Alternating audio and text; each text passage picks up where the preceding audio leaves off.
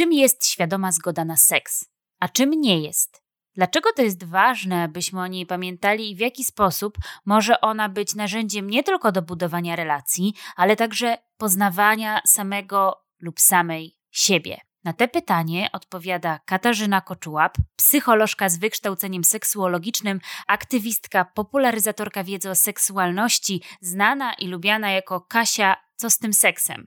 I o tym, co z tym seksem i co z tą zgodą, właśnie dzisiaj opowie w kolejnym odcinku. Ja nazywam się Asia Gutral, jestem psycholożką i psychoterapeutką i zapraszam Was do wysłuchania odcinka o świadomej zgodzie na seks. Strefa Psyche Uniwersytetu SWPS. Psychologia bez cenzury. Więcej merytorycznej wiedzy psychologicznej znajdziesz na psycheswps.pl oraz w kanałach naszego projektu na YouTube i Spotify. Zapraszamy. Katarzyna Koczułap, Kasia, co z tym seksem? Kasiu, cześć. Cześć. A dzisiaj nie tylko co z tym seksem chcecie zapytać, ale chcecie zapytać, y, co z tą świadomą zgodą na seks. Bo wiesz, co mówią e, e, sceptycy, malkontenci, niedowiarki, że o, niedługo do przed pójściem do łóżka to trzeba będzie papiery jakieś podpisać, umowę cywilnoprawną zawrzeć. To jakbyś mogła nam, proszę ja ciebie, przybliżyć, czym e, ta świadoma zgoda na seks w ogóle jest? Zgoda na seks, z angielskiego consent, to taki bardziej znany termin. To po prostu określenie określające przyzwolenie na wszystkie aktywności seksualne. Więc y, zgoda na seks przede wszystkim nie jest dodatkiem, y, nie jest czymś, co się może pojawić lub nie, to nie jest żaden wybór, tylko to jest podstawowy, obowiązkowy i kluczowy element każdej aktywności seksualnej. W ogóle bez świadomej zgody nie mówimy o seksie, tylko mówimy e, wtedy o gwałcie, o wykorzystaniu seksualnym. Więc to jest pierwsza ważna rzecz, którą trzeba wiedzieć, że ta zgoda to nie jest coś dodatkowego, tak jak się wielu osobom wydaje. W Polsce niestety to pojęcie nie jest jeszcze spopularyzowane. I dlatego właśnie pojawiają się te wątpliwości, o których wspomniałaś. E, wiele osób nie wie, czym jest dokładnie świadoma zgoda. Ja się cieszę, że ten temat coraz bardziej wypływa na szerokie wody, coraz więcej o tym się mówi, także w polityce, także w kontekście prawnym. E, i że się o tym coraz więcej edukuje, tak? Na przykład w Stanach czy Wielkiej Brytanii e, nauka o świadomej zgodzie jest częścią w ogóle edukacji seksualnej, to jest jakby podstawa, o tym się, się mówi. No w Polsce jeszcze tak nie jest, więc e, cieszę się, że jest ten podcast. No i nie, no nie będziemy podpisywać umów cywilnoprawnych. Ja się zastanawiam, kto z takimi zarzutami zawsze wychodzi, kto się boi zgody na seks. Jeżeli ktoś jakby nie wiem, obawia się tego, że, że zgoda w ogóle wchodzi do, do takiego mainstreamu i że wszyscy już będą wiedzieli, że o zgodę trzeba pytać, to kto się tego obawia? E, bo y, jeżeli nie wykorzystujemy ludzi, jeżeli nie jesteśmy przemocowcami, jeżeli nie używamy siły, szantażu, y, żeby uprawiać seks, no to nie mamy się czego bać. Nie ma, nie, ma, nie ma żadnego problemu. To chodzi tylko o pytanie, o konkretne, jasne pytanie, czy po prostu chcesz uprawiać ze mną seks, czy masz ochotę na to i na to. Ja nie widzę tutaj nic kontrowersyjnego, ani nic, co miałoby zepsuć w jakikolwiek sposób stosunek seksualny. Poza tym yy, od razu trzeba powiedzieć, że nie ma nic ważniejszego, to znaczy spo, spontaniczność w seksie jest pewnie ważna dla wielu osób, ale nigdy nie jest ważniejsza od tego, żeby ktoś nie został wykorzystany seksualnie. Tutaj nie ma takiego, nie ma w ogóle symetryzmu. Tu nie możemy postawić na wadze z jednej strony spontaniczność, a z drugiej strony wykorzystanie seksualne. Także je, zgoda nie musi psuć absolutnie spontaniczności, nie musi psuć atmosfery.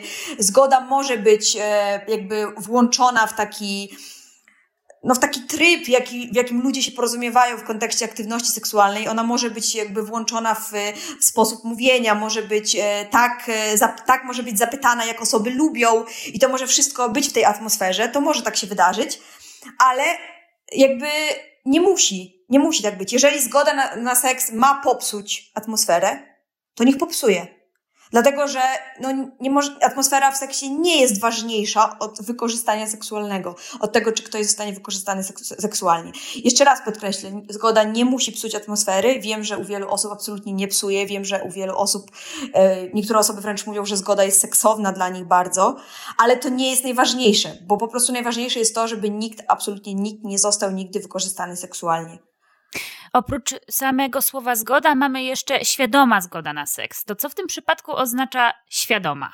Yy, świadoma zgoda to naj, najkrócej mówiąc, najprościej mówiąc, jeśli ktoś nie jest w stanie powiedzieć tak, to znaczy nie. Czyli yy, po prostu wyrażenie zgody musi być świadome. Osoba, która wyraża zgodę na seks, nie może znajdować się yy, na przykład pod wpływem substancji psychoaktywnych, które sprawiają, że nie jest w stanie świadomie rozpoznać sytuacji. Yy, zgody na seks nie może wyrazić osoba, która jest nieprzytomna, która, nie wiem, leży w śpiączce na przykład. Wykorzystanie takiej nieświadomej e, osoby to jest po prostu gwałt, więc e, to jest właśnie ta świadomość, że osoba musi być świadoma, na co się zgadza i musi być po prostu w takim stanie świadomości.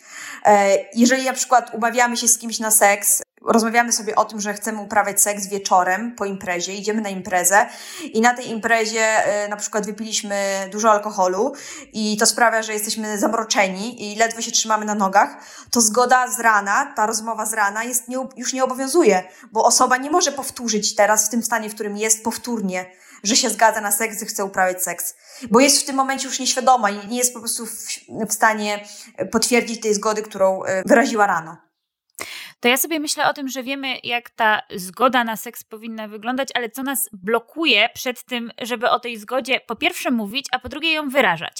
No mamy całą masę kulturowych, popkulturowych stereotypów dotyczących tego, jak seks wzniośle i romantycznie wygląda i nagle patrzymy sobie głęboko w oczy i wiemy, że to jest to, lecą iskry i serduszka i kolorowe tęcze.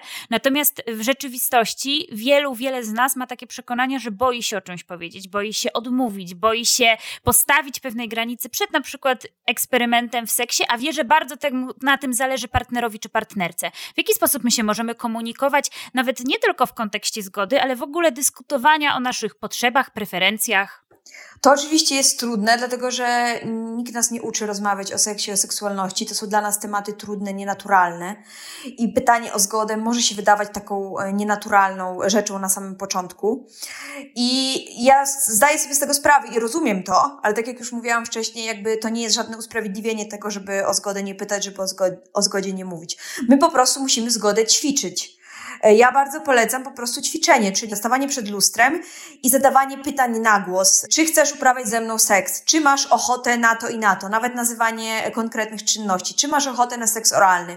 Czy jest ok, jeśli robię tobie to i to? Jeżeli my e, patrzymy na siebie w lustrze i wypowiadamy na głos te słowa, to tak jakby zaczynamy się oswajać. Te zdania zaczynają być dla nas coraz łatwiejsze, bo po prostu patrzymy na siebie, widzimy jak wyglądamy. To jest dla wielu osób stresujące.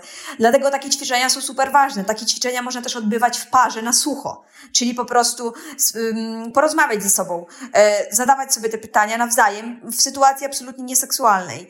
Można usiąść do siebie tyłem na początku i tak, żeby nie patrzeć sobie w oczy, tylko po prostu, żeby wypowiadać te zdania, żeby się e, z nimi oswoić, żeby się oswoić w ogóle z brzmieniem głosu. W ogóle taka rozmowa na temat zgody, nawet po prostu, że siadamy i rozmawiamy, czym jest dla ciebie zgoda na seks, e, jak, jak sobie wyobrażasz, że będzie dla ciebie fajnie, jak będę o to pytać. E, ustalmy sobie na przykład słowo bezpieczeństwa teraz. Po prostu porozmawianie w ogóle o tym temacie, poruszenie go poza sytuacją seksualną sprawia, że my się z tematem oswajamy. I to jest trudne, ale to jest absolutnie wykonalne, bo nie ma innego skutecznego sposobu niż pytanie o zgodę. Jakby nie ma takiego, nie ma innego sposobu, więc musimy się tego, tych pytań nauczyć. I to jest okej, okay, że my się musimy ich nauczyć, i to jest okej okay się uczyć. Jakby naprawdę nie musimy wszystkiego wiedzieć. W ogóle seks, my się nie, nie rodzimy z jakimiś umiejętnościami seksualnymi, które na nas e, spadają w dniu 18 urodzin, tylko to jest po prostu ciągła nauka e, i to jest normalne, że się tego seksu uczymy. Normalne jest to, że coś nam nie wychodzi na początku. Normalne jest to, że pytanie o zgodę może być e, na początku takie, że nie wiem, nas jakoś wytrąca w ogóle z tego nastroju seksualnego.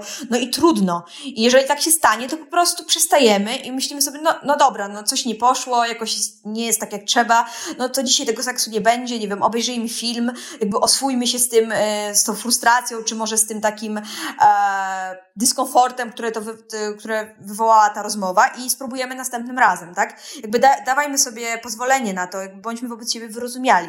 Najważniejsze, że, mm, żeby ten temat w ogóle wprowadzić do relacji i do związku i tutaj mogę polecić od razu książkę Porozumienie bez przemocy Marszala Rosenberga. E, to jest świetna książka, która uczy nas y, w ogóle komunikacji, y, w takich codziennych sytuacjach, ale właśnie ona jest świetna dla nauki komunikacji w kontekście sytuacji seksualnych, bo w komunikacji mm, najważniejszy jest jakby komunikat ja. Czyli po prostu mówienie o swoich emocjach, o swoich odczuciach. Mówienie ja coś tam. Ja nie jestem gotowy, ja nie chcę tego, a nie zamiast po prostu od razu wychodzenie z takim ty nigdy czegoś tam, ty nie wiesz jak coś tam, tylko właśnie zaczynanie od komunikatu ja i to bardzo dużo zmienia.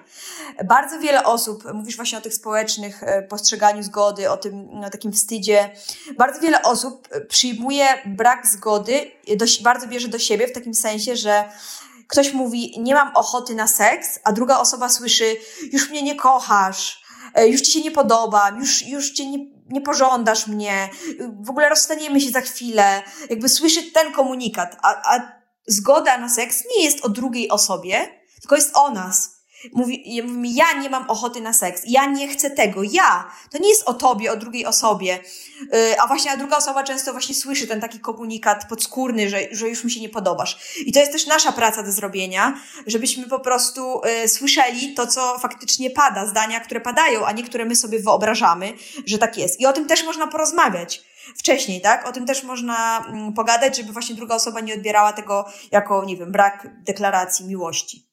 Powiedziałaś taki ładny fragment o tym, że ten seks i umiejętności seksualne nie spadają na nas magicznym sposobem w wieku 18, 18 urodzin i musimy o tym seksie pogadać i się dogadać. Natomiast ja bym chciała jeszcze o ten krok wstecz się e, cofnąć, że my tę swoją własną seksualność musimy poznać, żeby móc o niej w ogóle rozmawiać, a jeszcze seksualności e, w związku partnerskim też uczymy się i budujemy jakiś kawałek wspólny, który nie dla każdej relacji będzie taki sam i o tym samym, w jaki sposób ja mogę rozpoznawać, uczyć się tego, co jest moje w seksie, co mi się podoba, bo wydaje mi się, że to też jest ważny element, który może wchodzić w skład tej świadomej zgody. Jasne, że tak. My po prostu często nie wiemy sami, co lubimy i co nam się podoba. No na pewno y, takie rzeczy, jak reaguje nasze ciało fizycznie, y, można sprawdzać w czasie masturbacji. Takiej masturbacji nastawionej na, y, na samomiłość, na samodotyk. Takiej bez masturbacji, bez, nawet bez nastawienia na cel, jakim może być orgazm czy satysfakcja, tylko po prostu na takie dotykanie się. Tu się dotknę, tam się dotknę i co mi to daje, jak się z tym czuję. Jakby uświadamianie sobie tego, taką świadomość mówię, mówię tutaj o takiej świadomej masturbacji, bardzo yy, o takim świadomym dotyku, że jak się dotykam tu, to co czuję? Czy na przykład czuję wstyd, czy czuję jakieś zahamowanie, czy właśnie czuję, że jest mi tu dobrze, że, że jest mi przyjemnie. My niestety mamy taką tendencję często, że inne rzeczy robimy w masturbacji, faktycznie te, które nam sprawiają przyjemność, a potem w seksie y, nie robimy już ich, bo się albo wstydzimy, albo nie umiemy zakomunikować partnerowi, y, albo y, nie wiem, stresujemy się, że na przykład nasze ciało będzie wyglądać nie tak, jakbyśmy chcieli, co w masturbacji często nie ma dla nas znaczenia, bo jesteśmy sami ze sobą, a w seksie już, już znaczenie dla nas ma. Więc jak najbardziej masturbacja. Bardzo polecam wszel, wszelki taki taniec intuicyjny, czyli po prostu tańczenie przed lustrem, poruszanie się, sprawdzanie jak, jak działa nasze ciało, jak się układa w różnych pozycjach, E, skanowanie ciała, tak zwany body scan, to jest świetna technika, która też po, pozwala nam rozpoznać, e, jak się czujemy z danymi częściami ciała. No i oczywiście ćwiczenia też w parze, czyli po prostu próbowanie różnych rzeczy, i od razu z takim pozwoleniem na przerywanie, bo zgoda na seks, co jest ważne, może być zawsze wycofana w każdym momencie. E, czyli po prostu jeżeli już na przykład jesteśmy w trakcie y, seksu i na przykład zaczyna się dziać jakiś jego element i my stwierdzamy, że o nie, to jest tutaj coś się źle czuję, przypomniało mi się coś, coś mi zabolało, cokolwiek, mam prawo powiedzieć nie, to kończymy w tym momencie. Nieważne w jakim jesteśmy stadium. Kończymy w tym momencie, bo po prostu wycofuję swoją zgodę. Czy tak samo jest ważne to, że zgoda na seks musi być zgodą na każdy element y, seksu. Więc my na przykład właśnie możemy próbować, bo możemy na przykład wyrazić zgodę, nie wiem, na seks waginalny, ale już nie wyrażamy zgody na przykład na seks analny i on nie może się nagle, nie może być takiego płynnego przejścia, jeśli nigdy o tym wcześniej nie rozmawialiśmy i nie wyraziliśmy sobie na to zgody. Więc jak najbardziej możemy ćwiczyć różne rzeczy. Możemy sobie zrobić taki, taki dzień, że na przykład umawiamy się z partnerem, partnerką, że no, y, spróbujemy tego i tamtego i zobaczymy, jak nam jest z tym.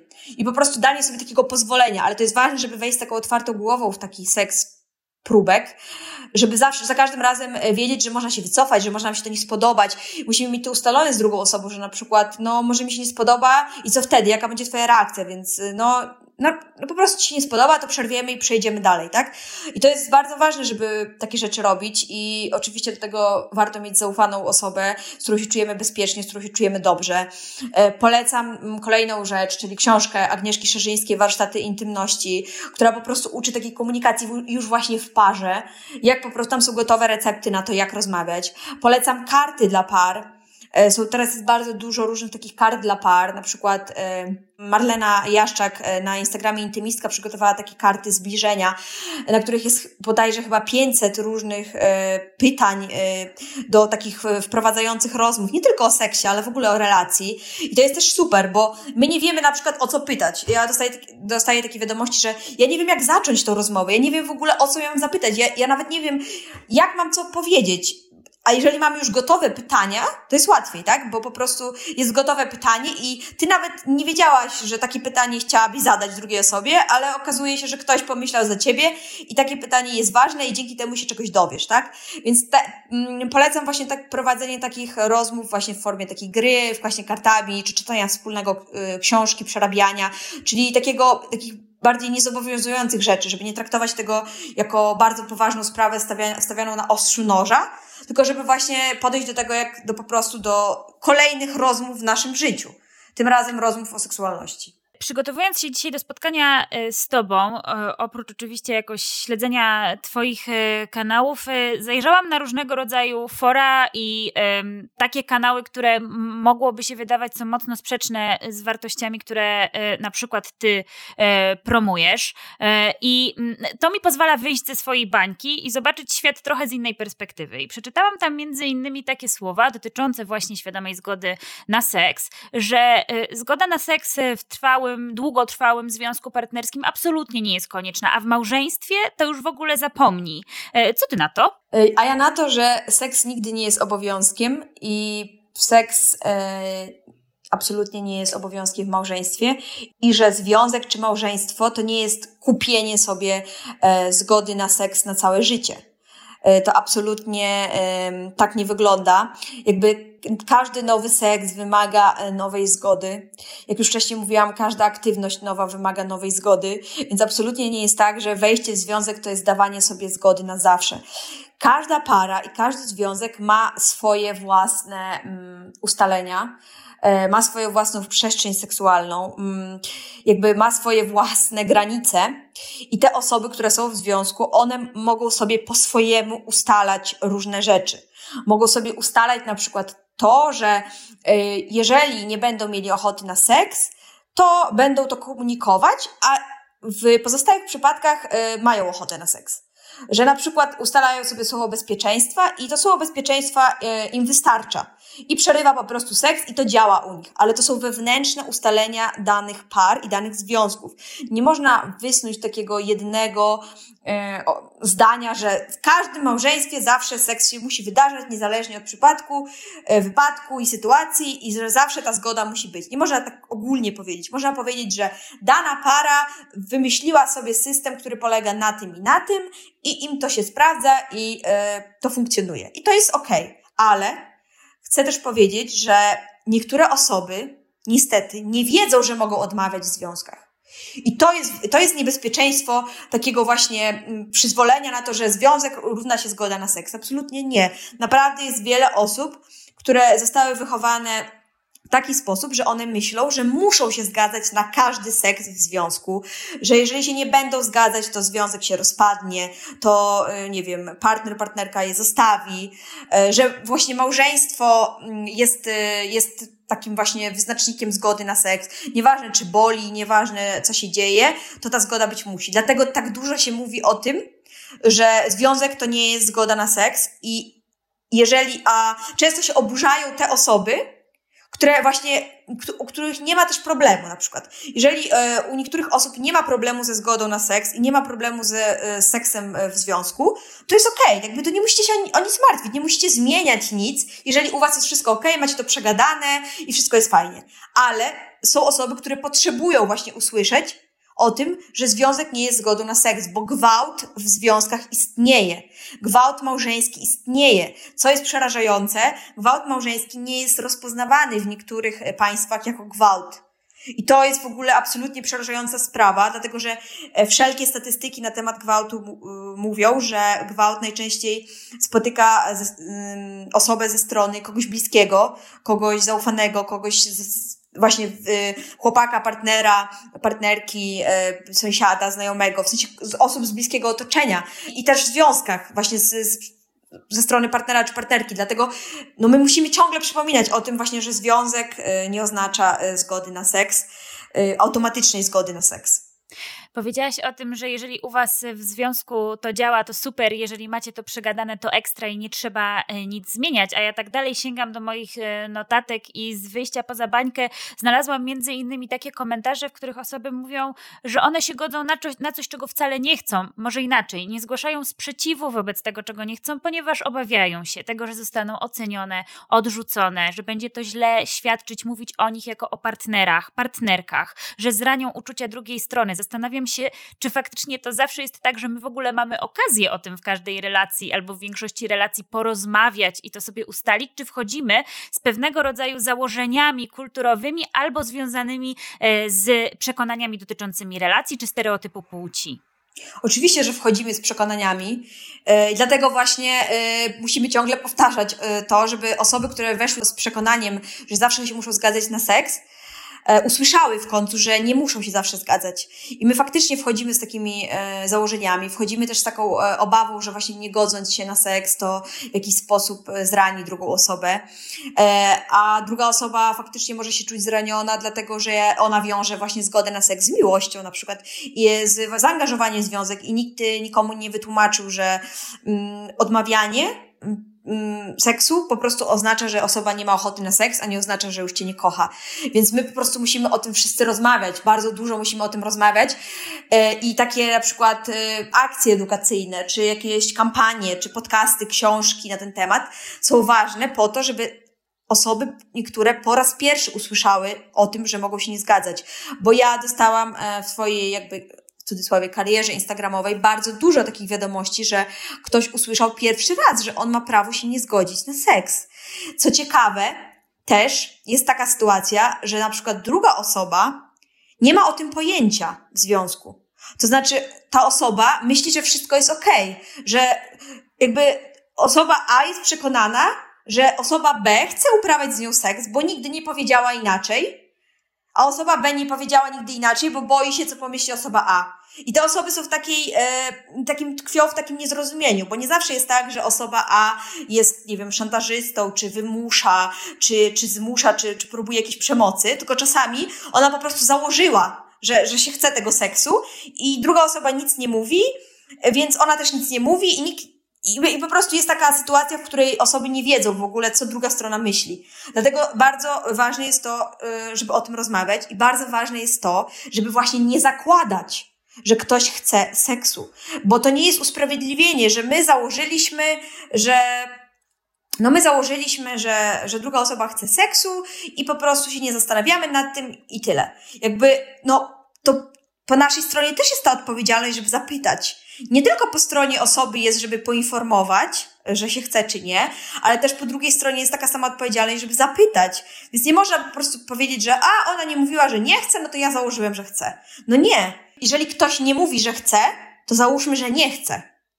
Dla bezpieczeństwa i zapytajmy się, po prostu, dla bezpieczeństwa załóżmy, że no, skoro nie było tak, skoro nie było entuzjastycznej zgody, bo zgoda powinna być entuzjastyczna, oczywiście taki, na takim poziomie entuzjazmu, jaki dla nas jest naturalny, to nie musi być skakanie do góry i rzucanie się komuś na szyję, tylko każdy z nas ma jakąś tam swoją granicę entuzjazmu, jak, jaką wyraża, ale chodzi o to, żeby to było jasne i entuzjastyczne, że ta osoba chce uprawiać seks. Jeśli nie widzimy tego entuzjazmu, tej, tej, tej jasno wyrażonej zgody, to zapytajmy, na wszelki wypadek, nawet jeżeli jesteśmy prawie pewni, pewne, to i tak zapytajmy, czy e, jeżeli na przykład zaczęło się coś dziać, no to zapytajmy, czy chcesz kontynuować, czy, czy to jest ok dla ciebie, czy, czy możemy przyjść dalej na przykład, cokolwiek dla nas znaczy, mm, jakkolwiek mamy język seksualny, to, to oczywiście też zależy od danej, danych osób. I po prostu zapytajmy, upewniajmy się, bo naprawdę mm, nie jest warte ryzykowanie tego, że druga osoba w jakiś sposób poczuje się przymuszona do uprawiania seksu.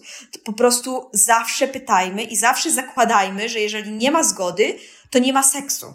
Jeżeli nie usłyszeliśmy tak, chce uprawiać z tobą seks, jeżeli nie widzimy, że osoba się angażuje w seks, robi po prostu te wszystkie rzeczy typu dotyka nas, no, angażuje, widzimy po prostu jej zaangażowanie, to zawsze się um, zastopujmy. Nawet jeżeli już jesteśmy w trakcie seksu, który miał zgodę, jesteśmy w trakcie seksu i nagle zauważamy zmianę, na przykład y, ktoś y, przestaje się poruszać, jakby, jakby y, no, zachowuje się jakoś inaczej, jakby zesztywniał, albo cokolwiek się takiego dzieje, że no, widzimy tą zmianę, to zapytajmy, czy wszystko jest okej, okay, czy mam kontynuować, czy coś się stało. Może się okazać, że się absolutnie nic nie stało i na przykład, nie wiem, ktoś się zmęczył nie wiem, trzymaniem rąk na nas i po prostu je odrzucił, ale to nie oznacza absolutnie nic dla tej osoby, dalej zgoda jest, dalej jest chęć, ale może właśnie oznaczać, że coś się wydarzyło, że pojawiła się jakaś myśl, że coś zabolało i ta osoba już, już nie chce uprawiać seksu, tak? Więc jeżeli zapytamy, to dajemy jej przestrzeń do tego, żeby ona mogła e, odpowiedzieć nie.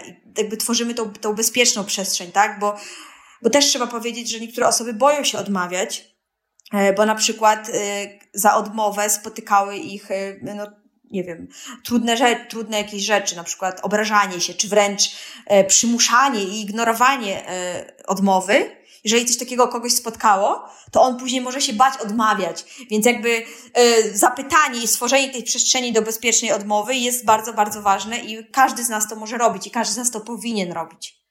Z jednej strony mogłoby się wydawać, że takie sformułowanie świadoma zgoda na seks y, brzmi bardzo formalnie, z drugiej strony, kiedy o tym opowiadasz, w jaki sposób to może przebiegać, jak to może wyglądać w relacji, myślę sobie, że to też może być narzędzie budujące bliskość i pomagające wyznaczać, tworzyć y, granice w relacji. Oczywiście, że tak, bo właśnie w ten sposób dajemy znać, drugiej osobie, że dla nas najważniejsze jest jej bezpieczeństwo, jej komfort, że przejmujemy się jej uczuciami, że bierzemy pod uwagę jej emocje i to jej właśnie ochotę bądź brak ochoty na seks. Jakby tworzymy właśnie tą bezpieczną przestrzeń związku, że ta osoba po prostu druga wie, że, że nas to obchodzi. Jakby, no, kto chciałby uprawiać seks osobą, która tego nie chce? No to jest takie pytanie po prostu, które się rzuca w eter, no, no nikt, no każdemu z nas powinno zależeć na tym, żeby uprawiać seks z osobami, które chcą z nami uprawiać seks. I tylko wtedy. Więc jakby, mm, no tworzenie tej takiej relacji, w której pytania o zgodę są naturalne, w której rozmowa o zgodzie jest naturalna, w której po prostu rozmawiamy o chęci, o niechęci, o tym, co lubimy, o, o tym, co, czego nie lubimy, to zdecydowanie jakby e, no, nas zbliża do siebie, jakby buduje taką tą intymność, e, zaufanie ogromne drugiej osoby.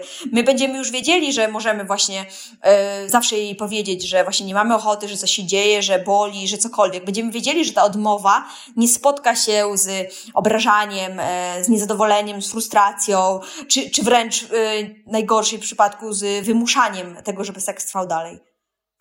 To ja Cię zapytam jeszcze, mm, czym ta świadoma zgoda na seks nie jest, ale y, powiem ci skąd to pytanie w mojej głowie się pojawiło nagle. Y, dużo mamy takich działań afirmujących teraz zarówno ubiór i cielesność jako wolny wybór danej osoby. E, I e, pojawiają się takie argumenty w różnego rodzaju mediach i znowu tych forach, na które pewnie ani ja, ani ty zbyt często nie zaglądamy, ale o których donosi ci twoja e, społeczność. Krótka spódniczka, bluzka bez stanika pod spodem. Wiele osób interpretuje to jako kuszenie i jawne zaproszenie do seksu. Absolutnie nie żadne ubranie nie jest zgodą na seks. Zgodą na seks jest tylko zgoda na seks. Ja tutaj mam wrażenie, że mówię trochę takie banały, ale to naprawdę jest banalne. Tylko tak jest zgodą na seks. Ani może nie jest zgodą na seks, ani chyba nie jest zgodą na seks, ani tak samo krótka spódniczka, brak stanika nie jest zgodą na seks. Nie są zgodą na seks także reakcje naszego ciała. Erekcja nie jest zgodą na seks. Nawilżenie, pojawiające się nawilżenie, lubrykacja w niektórych sytuacjach nie jest zgodą na seks. E, na przykład, e, nie wiem, po, pojawiające się podniecenie też nie jest zgodą na seks. Zgodą na seks jest tylko tak, chcę uprawiać z tobą seks. I to, i to koniec.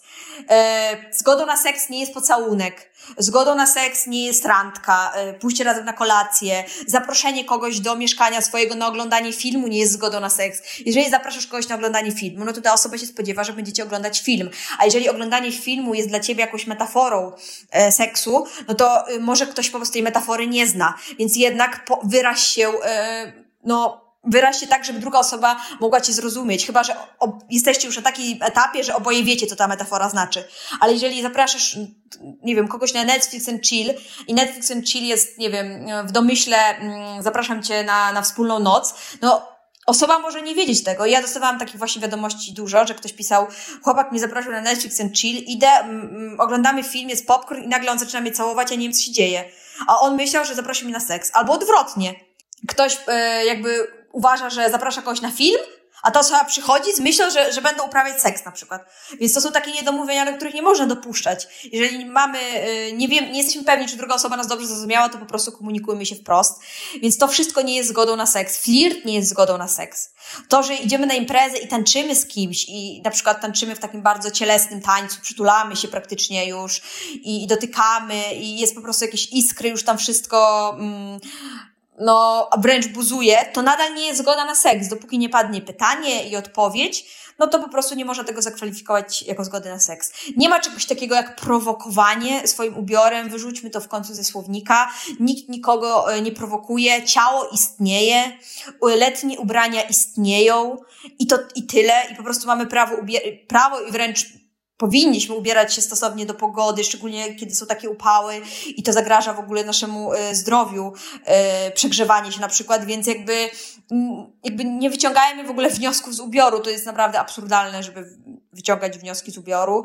E, naprawdę potem się z tego biorą te właśnie straszne oskarżenia, że ktoś e, kogoś zgwałcił i, i mówi się, że ta osoba tak miała za krótką spódniczkę albo, nie wiem, makijaż. Teraz, I teraz tak naprawdę wszystko może stać się już takim e, usprawiedliwieniem dla niektórych. E, pamiętajmy też, że zapominamy o tym często, ale warto pamiętać, że jakby coś, co wywołuje podniecenie, to może być wszystko w zależności od osoby. Bo, bo skupiamy się na takich e, klasycznych rzeczach, że na przykład krótka spódniczka albo dekolt, ale są osoby, dla których podniecający będzie golf, e, a dla kogoś podniecający będzie kucyk, e, a ktoś inny lubi czerwone buty i jak zobaczy czerwone buty, to jakoś mu się to kojarzy seksualnie i, i co? I wtedy, i, i w takim razie w co mamy się ubierać, jak mamy chodzić, jak mamy się zachowywać? Jakby, no, to jest absurdalne, tak? Jakby każdy z nas odpowiada tylko za własne, jakby, za własne postępowanie i za to, co w ogóle zrobi z tym podnieceniem. Bo na przykład, jak się, jak się pojawia podniecenie, ono się pojawiać będzie i w różnych sytuacjach, ale to my decydujemy, co dalej zrobimy z tym podnieceniem. Tak? Więc to jest bardzo ważne, tak? I właśnie te reakcje fizjologiczne są też bardzo ważne. Szczególnie właśnie w kontekście na przykład erekcji, bo oczywiście panuje mit, że mężczyzn, osób z penisem nie da się zgwałcić, to jest oczywiście mitem i nieprawdą. No i interpretuje się to tak, że jeżeli jest erekcja, to jest ochota na seks. No nieprawda, bo po prostu erekcja czasami się pojawia mimowolnie, ale ktoś nie chce uprawiać seksu, boi się, jest y, zestresowany, a erekcja i tak się pojawia. I to nie jest, absolutnie nie oznacza y, ochoty na seks. Tak samo w czasie na przykład gwałtu y, może być tak, że pojawi się lubrykacja u osoby z pochwą i potem osoba, która zgwałciła mówi, no ale ona chciała, bo, bo było, była mokra na przykład, tak? Kolokwialnie mówiąc. Nie! Jakby nasze fizjologiczne reakcje, które po prostu y, biorą się czasami, są czasami mimowolne albo po prostu się pojawiają, y, bo ciało działa tak jak ciało, fizjologia jest fizjologią, nie oznacza zgody na seks. Powiedziałaś, że masz takie poczucie, jakbyś gadała banały. Ja e, e, uważam, że nigdy nie wiemy, w którym momencie tej dyskusji, nawet jeżeli ona trwa na Twoim e, kanale i w Twoim wykonaniu i nie tylko, e, przez wiele, wiele miesięcy, lat, to nigdy nie wiadomo, w którym momencie ktoś do tej dyskusji dołączy. Uważam, że warto to powtarzać i e, warto, żeby to wybrzmiało, że zgodą na seks jest tylko i wyłącznie świadome tak. Y, chciałam jeszcze Cię dopytać o stereotypy dotyczące y, płci, a, a zachowań seksualnych i świadomej zgody. Czy są jakieś zależności, korelacje? No, przede wszystkim zakłada się, że e, wszyscy mężczyźni chcą zawsze uprawiać seks, e, więc e, mężczyzna, który odmawia, no to wielu osobom się wydaje bardzo podejrzane z jakiegoś powodu. No więc to jest pierwszy stereotyp. Oczywiście jest stereotyp kolejny, czyli nie znaczy tak, E, wiele osób interpretuje to tak, że, że właśnie kobieta mówi nie, to znaczy to tak i że trzeba po prostu gonić króliczka. No to oczywiście jest nieprawda. Jakby przestańmy to robić, przestańmy traktować kobiety jako osoby, które nie wiedzą, czego chcą i mężczyzn jako osoby, które są maszynkami do seksu. To jest w ogóle absolutnie nie fair wobec, e, wobec osób, wobec mężczyzn, wobec kobiet. Mm, to jest w ogóle naprawdę, to podejście powinno już naprawdę dawno odejść, a ono ma się świetnie, mam wrażenie. W, ja też na przykład robię to, co ty, czyli wychodzę czasami z bańki, e, gdzieś tam sobie po, no, wchodzę na jakąś drugą stronę internetu, że tak powiem, i jestem przerażona, bo. Nie jest to, to przyjemne doświadczenie. No nie. I ja jestem przerażona, bo ja y, na co dzień już nie mam z tym styczności, y, więc wydaje mi się, już mi się wydaje, że wszystko jest super y, i wszyscy wiedzą, a potem gdzieś tam wychodzę i myślę sobie, wow, wow, to jesteśmy dopiero tam, na takim etapie. No więc dlatego o tych stereotypach też trzeba właśnie mówić. Trzeba mówić o tym, że tak znaczy tak u kobiet oraz, że kobiety mogą chcieć seksu. To też jest kolejny stereotyp, tak? Że kobiety e, no nie powinny za bardzo chcieć seksu, a już na pewno nie powinny tak za bardzo wprost tego komunikować, bo to jest takie też, to jest z kolei podejrzane u nich, że za bardzo chcą seksu, więc... E, Raczej odpowiadać na e, inicjatywę tak. ze strony mężczyzn, co to zawsze są gotowi do tego seksu. Tak, nie? oczywiście, dokładnie tak, że właśnie jest taki stereotyp, e, co w ogóle, już nie mówiąc o tym, że w ogóle, mówiąc o, takimi, o takich stereotypach, to w ogóle się wyklucza osoby, które nie są heteroseksualne, tak, bo mm, no my jak zwykle jesteśmy w tej heteronormie i w cisnormie i tylko mówimy tylko o tym się w ogóle mówi, a gdzie jest w ogóle cała reszta osób. Więc e, zdecydowanie tak, i zdecydowanie mam wrażenie, że te stereotypy jakby utrudniają rozmowę o zgodzie właśnie, no bo y, mężczyźni się wstydzą przyznawać do tego, że nie chcą seksu, kobiety się wstydzą przyznawać do tego, że chcą seksu. Y, I, jest takie wieczne, jesteśmy w takim wiecznym właśnie nieporozumieniu, i, I właśnie utkwiliśmy w ogóle trochę w tej, e, w tej takiej rzeczywistości. To się powoli zmienia i to widać, że to się zmienia. E, jakby ja to też widzę jakby na co dzień, jakby coraz mniej rzeczy uchodzi płazem, że tak powiem. E, coraz więcej osób, coraz więcej rzeczy się nagłaśnia, coraz więcej jest tych rozmów. No ale te stereotypy wciąż są. Dlatego trzeba o tym mówić, trzeba mówić o tym, że, mm, że każdy może odmawiać, że możemy odmawiać z różnych powodów, że możemy zmieniać zdanie, że możemy to zgodę wycofywać, że może nam się po prostu zmieniać relacje, zmieniać sposób komunikacji, że to wszystko jest naturalne, że najważniejsze jest to, żeby rozmawiać, żeby być na bieżąco e, z drugą osobą. E, musimy pamiętać właśnie o tym, że mm, żeby e, też komunikować się z osobami, z którymi się na przykład umawiamy na jakiś niezobowiązujący seks, na tak zwany przygodny seks. Ja tam nie lubię słowa przypadkowy, dlatego że ten seks nie jest przypadkowy e, do końca, po prostu osoby się umawiają na niego i, i to jest po prostu dla nich jakiś tam niezobowiązujący seks, więc i wtedy też ta rozmowa musi się wydarzyć, tak? E, wiele osób właśnie do mnie pisze o tym, jak mam w ogóle porozmawiać na przykład o badaniach z nowo poznaną osobą albo o prezerwatywie, tak? Jak mam to zaproponować, bo to jest takie dziwne, jak mam powiedzieć, że chcę, żeby seks był w prezerwatywie. E, I, i bo też się o tym nie rozmawia, tak? E, a przecież jest e, tak zwany stealing, czyli osoba ściąga prezerwatywę w czasie seksu bez tego, bez dania znać o tym drugiej osoby i to jest no to jest po prostu gwałt, to, to narusza warunki świadomej zgody, bo zgoda na seks w prezerwatywie nie jest tym samym, co zgoda na seks bez prezerwatywy, tak?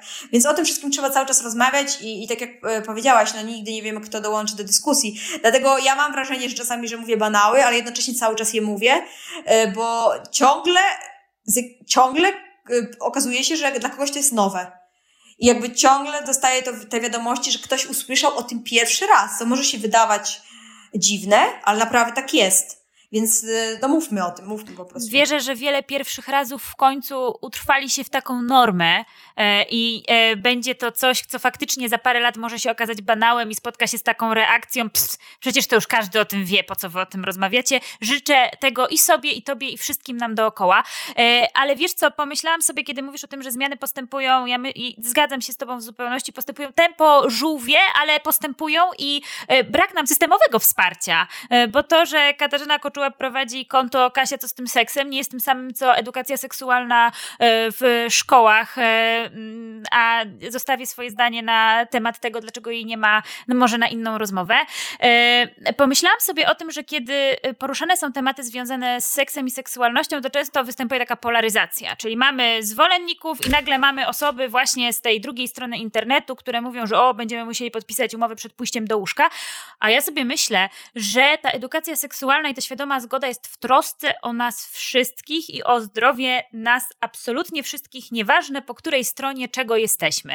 E, w jaki sposób możemy e, zachęcać osoby do rozmowy o seksie? Ja wiem, że się nie da mówić tak, żeby ktoś cię usłyszał, jeżeli ktoś cię nie chce słyszeć, ale pytam cię bardziej o to, w jaki sposób możemy zachęcać do tej dyskusji, po to, żeby się na nią otworzyć. Przede wszystkim wydaje mi się, że trzeba zacząć od podstaw i od tłumaczenia podstawowych pojęć. To znaczy, edukacja seksualna w Polsce narosła jakimiś takimi mm, ogromnymi mitami i jest jakimś takim e, workiem pojęciowym, do którego są wrzucane rzeczy, które nie mają z tą edukacją seksualną nic wspólnego. I niestety jest już tak, że jak się powie słowo edukacja seksualna, to już wiele osób zamyka uszy i po prostu przestaje słuchać.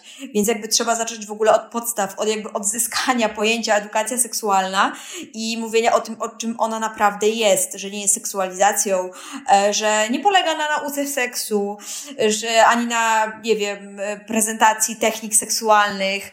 E, trzeba mówić o tym, e, że edukacja seksualna chroni, chroni dzieci, E, uczy właśnie dzieci odmawiania, uczy dzieci identyfikowania sytuacji zagrożenia, jeśli takie miałoby się wydarzyć, uczy dzieci dbania o, o swoje granice, uczy o zdrowiu, tak? Wszyscy chcemy, żeby, żebyśmy wszyscy byli zdrowi, tak mam, mam wrażenie, więc to, przekazuje wiedzę o infekcjach przenoszonych drogą płciową, o zabezpieczeniu przed ciążą i tak dalej, i tak dalej.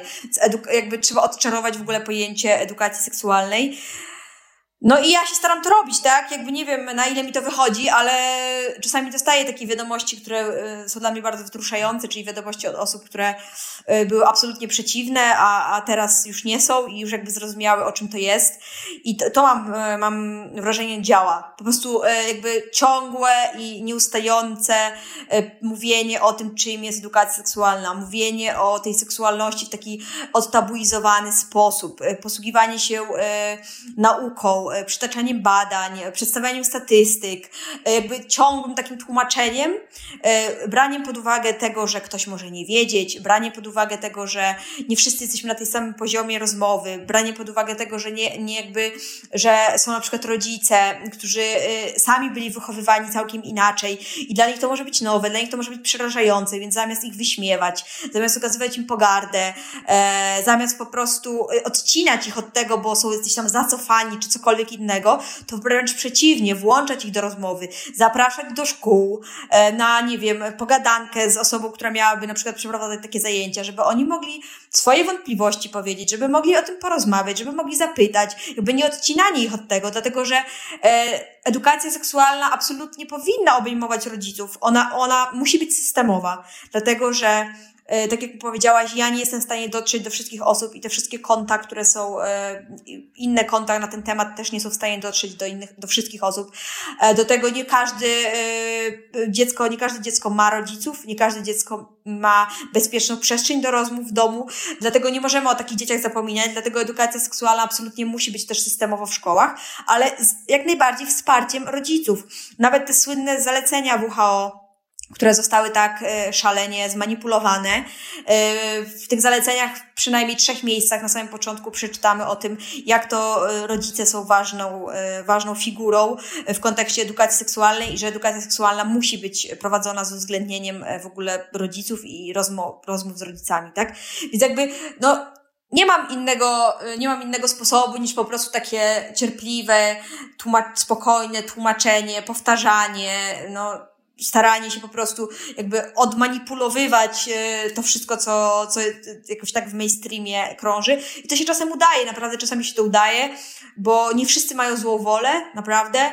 E, po prostu niektórzy nie wiedzą, niektórzy zostali po prostu przestraszeni. Ja się nie dziwię rodzicom, którzy usłyszawszy o tym, że czterolatki będą się uczyć masturbacji, się po prostu przestraszyli, a może nie mają e, wystarczająco, mm, wystarczających narzędzi na przykład do tego, żeby przeanalizować samodzielnie standardy WHO, bo standardy WHO, przypominam, są pisane dla specjalistów, dla nauczycieli, dla seksuologów, dla psycholożek i tak dalej. Więc po prostu to nie jest, nie jest tak, że każdy, mm, z łatwością taki dokument przeczyta i przyswoi. Więc łatwo, jest po prostu taka łatwość w manipulacji. Więc my, co, co my musimy robić, to jakby starać się krok po kroku odczarowywać tą edukację seksualną i, i mówić w ogóle o, o jej zaletach, o tym, co ona daje, właśnie tłumaczyć, że ona właśnie chroni dzieci, że uczy dzieci mówić nie, na konkretnych, praktycznych przykładach. No i, no i tyle, no. Nie ma innego chyba wyjścia.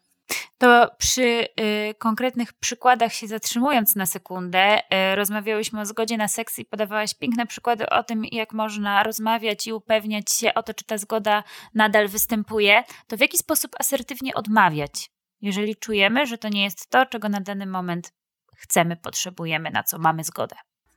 Przede wszystkim trzeba e, używać tego komunikatu ja, o którym już e, mówiłam wcześniej, czyli mówić o sobie, o tym, że e, ja nie mam ochoty y, dzisiaj uprawiać seksu, y, to nie jest w ogóle, y, nie ma to związku z tobą, po prostu nie mam ochoty. Więc po prostu jakby bądźmy szczerzy, tak? Bądźmy szczerzy i mówmy, co się z nami dzieje, ale też dodam tutaj, że my nie mamy takiego obowiązku, bo to jest ważne, że nie jest pełnym komunikatem. To jest pełne zdanie. Nie. I w momencie powiedzenia nie, wszystko się powinno przerwać, zatrzymać i dopiero później jeżeli y, czujemy potrzebę wyjaśnień, to wyjaśniamy. Jeżeli druga osoba nam zada pytanie, dlaczego nie, a my chcemy wyjaśnić, to wyjaśniamy. Pamiętajmy o tym, że ta sytuacja może być trudna y, dla nas. Y, powiedzenie nie już może się wiązać z trudnością, z, z odwagą, dyskomfortem i my możemy nie być gotowi na wyjaśnienia w tym momencie. Może będziemy chcieli o tym porozmawiać jutro, pojutrze, wrócimy do tematu. Więc zanim w ogóle mm, wyjaśnienia, to pamiętajmy o tym, że wystarczy nie. Ale jeśli chcemy wyjaśniać, jeśli czujemy potrzebę, jeśli to dla nas jest ważne, żeby powiedzieć dlaczego nie, no to może być ważne szczególnie w kontekście długotrwałych relacji i związków, tak, że ludzie e, no, w związkach sobie chcą wyjaśniać, dlaczego pewne rzeczy się dzieją. No i wtedy właśnie mówimy o sobie, o tym, że nie mam ochoty, bo się rozproszyłam, bo się źle czuję, bo coś mnie zabolało. Yy, jest mi z tobą dobrze, wszystko jest super, ale po prostu dzisiaj nie jest ten dzień, dzisiaj chcę się poprzytulać, bo to też możemy właśnie mówić. Czasami e, mylimy potrzebę na przykład przytulenia z takiej samej bliskości e, z, z seksem. I na przykład zaczynamy uprawiać seks i czujemy, że to jednak nie była, nie była ta potrzeba. No i wtedy po prostu można się zatrzymać. Słuchaj, ja bym chciała dzisiaj się jednak poprzytulać tylko albo, albo nie wiem, pocałować, e, tak po prostu się wtulić ciebie, obejrzeć film, a, a nie mam ochoty na ten seks, tak? Jakby dajmy sobie prawo do tego, żeby być po prostu szczerymi z drugą osobą, dajemy też kredyt zaufania drugiej osobie, szczególnie właśnie w długotrwałych relacjach, że ona po prostu jest w stanie przyjąć tę naszą, e, ten, te nasze potrzeby jakby zaakceptować i, i będzie wszystko okej, okay, tak? To wszystko, tak jak już wspomniałam wcześniej, zależy od sytuacji, zależy od tego, w jakiej jesteśmy relacji, możemy się po prostu tego obawiać, no ale no życzę też e, nam wszystkim, żebyśmy właśnie, bo my musimy się nauczyć przy, zgody, z, y, musimy się nauczyć y, jak odmawiać, ale też musimy się y, nauczyć tego, jak przyjmować odmowę. Właśnie musimy się nauczyć tego, żeby ta odmowa była przyjmowana natychmiast i żeby nie była ona przyjmowana w takim sensie, że to jest odrzucenie, bo mm, no po prostu mówienie nie mam ochoty na seks nie jest odrzuceniem człowieka, e, całkowicie odrzuceniem, wykreśleniem go z naszego życia. To jest po prostu w tym, o tym momencie. Naprawdę, jeżeli e, nie mamy ochoty na jedzenie albo nie mamy ochoty na herbatę, to ktoś nam pyta zrobić ci herbatę, a ja mówię nie, no to, no to nie. Jakby nie ma, nie ma żadnego problemu, tak? A, a ten seks dla wielu osób jest taką właśnie sprawą tak intymną, tak bliską, tak związaną w ogóle e, z emocjami, z miłością, z czułością, no że to jest trudne, to przyjmowanie nie jest trudne, trudniejsze, ale no, to jest nasza praca do wykonania, jeszcze raz to powiem. My jakby nie, nie mamy, e, nie możemy zrzucać e, na drugą osobę odpowiedzialności, że o tego strachu, że ona nie może powiedzieć nie, bo ja się poczuję urażony. Nie, to jest twoja praca do przepracowania, żebyś ty przestał się czuć urażony tym, że ktoś w tym momencie nie chce z tobą uprawiać seksu. No nie chce, no i tyle. Jakby idziemy dalej. Jeżeli będzie okazja, to porozmawiamy o tym. Jeżeli będziemy chcieli, to o tym porozmawiamy. Y, jeżeli druga osoba się poczuje, poczuje gotowość, żeby wyjaśnić swoje stanowisko, wyjaśnić to, dlaczego nie, co się w ogóle wydarzyło, to wyjaśni. I, i my też mamy, możemy jakby zakomunikować jakby to, że że jest mi trudno z tym, bo nie wiem dlaczego e, nie chcesz, e, już na przykład po czasie.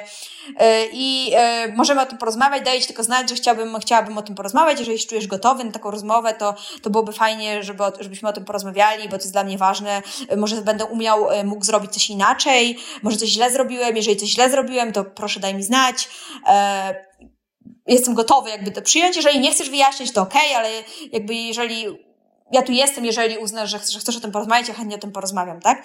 Jakby, no, jakby starajmy się właśnie z taką otwartością i wyrozumiałością podchodzić do siebie e, nawzajem i, i to jest chyba jedyny taki przykład, e, coś, co możemy zrobić po prostu. Po prostu podchodzić do siebie, do siebie z wyrozumiałością i, i jakby, no, ustalić jakoś sobie te granice i dbać po prostu o nie e, nawzajem. I tą wyrozumiałością, uważnością i czułością chciałabym zakończyć dzisiejszą rozmowę. Moim i waszym gościem była Kasia Koczułap, e, która od lat w internecie wyjaśnia, co z tym seksem. Kasiu, dzięki ci bardzo za to, że byłaś z nami. Dziękuję Wam bardzo. Cześć. E, a Państwa teraz zapraszam na kolejne podcasty Strefy Psyche Uniwersytetu SWPS. Zachęcam do, do subskrypcji kanałów na YouTube czy Spotify, aby być na bieżąco z publikowanymi materiałami. Do usłyszenia.